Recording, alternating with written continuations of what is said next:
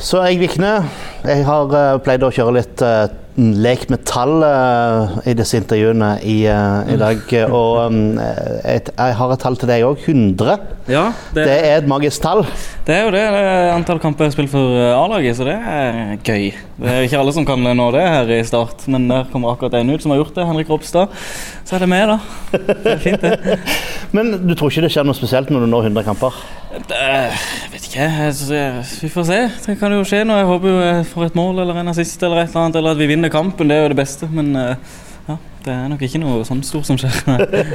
Men har du begynt å mimre litt og tenke, tenke tilbake på, på, de 99 kampene du har spilt til nå? Ja, ja altså For å være helt ærlig så har jeg ikke tenkt så veldig mye over det. Men eh, det har jo vært både oppturer og nedturer og alt som er. Så nei, det har vært mye, mye forskjellig.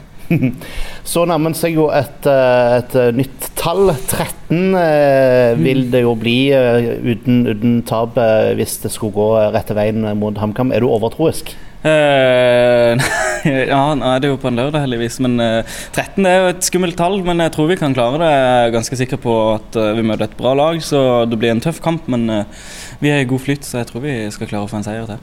Og Hvordan skal han klare å få med seg hjem tre poeng for Briskeby? Vi må gjøre noe av det vi har gjort de siste kampene. Være solide bakover. Og så får vi fortsette å skape mer fram og være mer effektive, egentlig. Så tror jeg vi kan skåre en del mål. og og når vi holder null, så er jeg sikker på at vi har nok framme der som kan, som kan skape det vi trenger, og som kan skåre målene som vi trenger.